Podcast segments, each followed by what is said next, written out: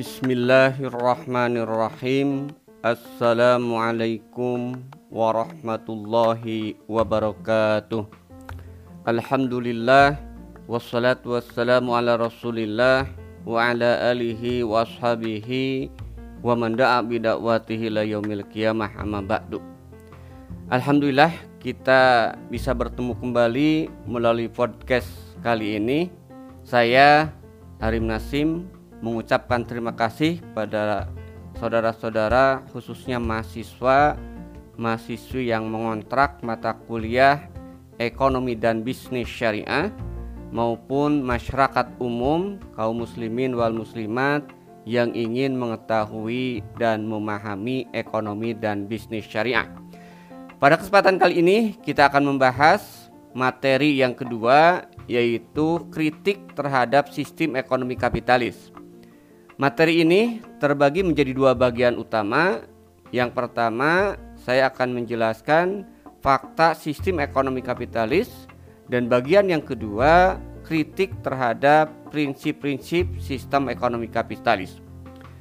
Dengan dua hal tersebut, saya berharap Anda semua juga kaum muslimin wal muslimat bisa memahami kerusakan-kerusakan sistem ekonomi kapitalis baik secara filosofi maupun dalam praktek kehidupan ekonomi khususnya di Indonesia.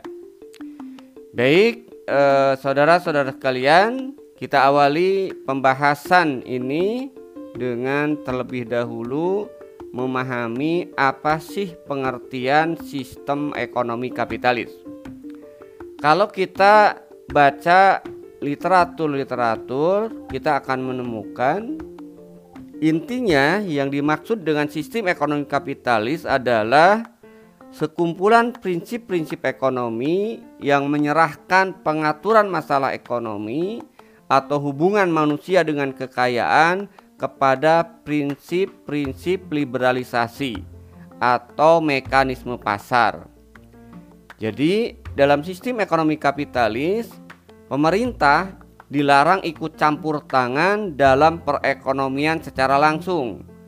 Posisi pemerintah dalam sistem ekonomi kapitalis hanya membuat regulasi atau menjadi penengah ketika terjadi benturan kepentingan antara satu anggota masyarakat dengan anggota masyarakat yang lainnya. Semua sumber daya alam yang ada di sebuah negara dalam sistem ekonomi kapitalis diserahkan pengelolaannya kepada swasta baik swasta lokal maupun swasta asing. Sistem ekonomi kapitalis menurut eh, tokoh utamanya yaitu Adam Smith dalam bukunya menyebutkan bahwa sistem ekonomi kapitalis itu dibangun berdasarkan tiga prinsip-prinsip dasar yang pokok ya. Yang pertama adalah kelangkaan atau scarcity sebagai problem ekonomi. Dalam sistem ekonomi kapitalis kelangkaan merupakan problem ekonomi. Kemudian yang kedua prinsip pembahasan yang terkait dengan pentingnya nilai dari barang dan jasa yang dihasilkan. Kemudian yang ketiga harga dan peranannya baik dalam produksi, distribusi, dan konsumsi. Jadi poin yang ketiga inilah esensinya terkait dengan mekanisme pasar.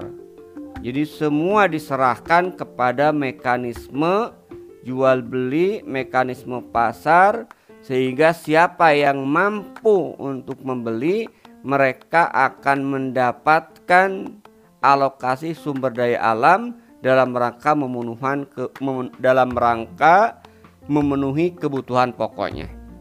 Itulah barangkali tiga prinsip dasar sistem ekonomi kapitalis yang ini juga sering disebut dengan kerangka dasar sistem ekonomi kapitalis.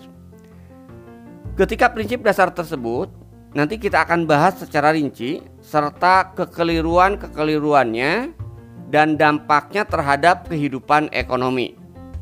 Baik, eh, saudara-saudara sekalian yang saya hormati, itulah saya kira tiga prinsip dasar atau kerangka dasar sistem ekonomi kapitalis yang saya bisa berikan sebagai pengantar pada perkuliahan ekonomi dan bisnis syariah di pertemuan yang kedua ini.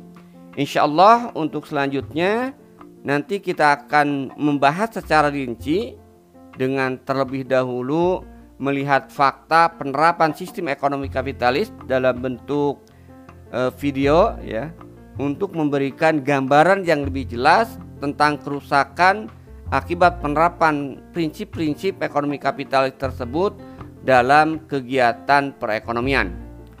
Saudara-saudara mahasiswa dan mahasiswi juga kaum muslimin wal muslimat yang mendengarkan podcast ini Sampai di sini dulu podcast kali ini. Semoga podcast ini mampu menambah motivasi Anda untuk lebih semangat mengkaji mata kuliah ini sehingga Anda semua bisa memahami fakta penerapan sistem ekonomi kapitalis yang menyebabkan kerusakan di muka bumi ini. Terus semangat dan tetap jaga kesehatan. Semoga Allah Subhanahu wa taala senantiasa melindungi kita. Semoga Allah Subhanahu wa taala senantiasa melindungi kita dan memberikan hidayah kepada kita semua. Terima kasih atas perhatiannya. Saya Arim Nasim. Mohon pamit untuk sementara waktu. Semoga kita bertemu lagi dalam kesempatan berikutnya. Wassalamualaikum warahmatullahi wabarakatuh.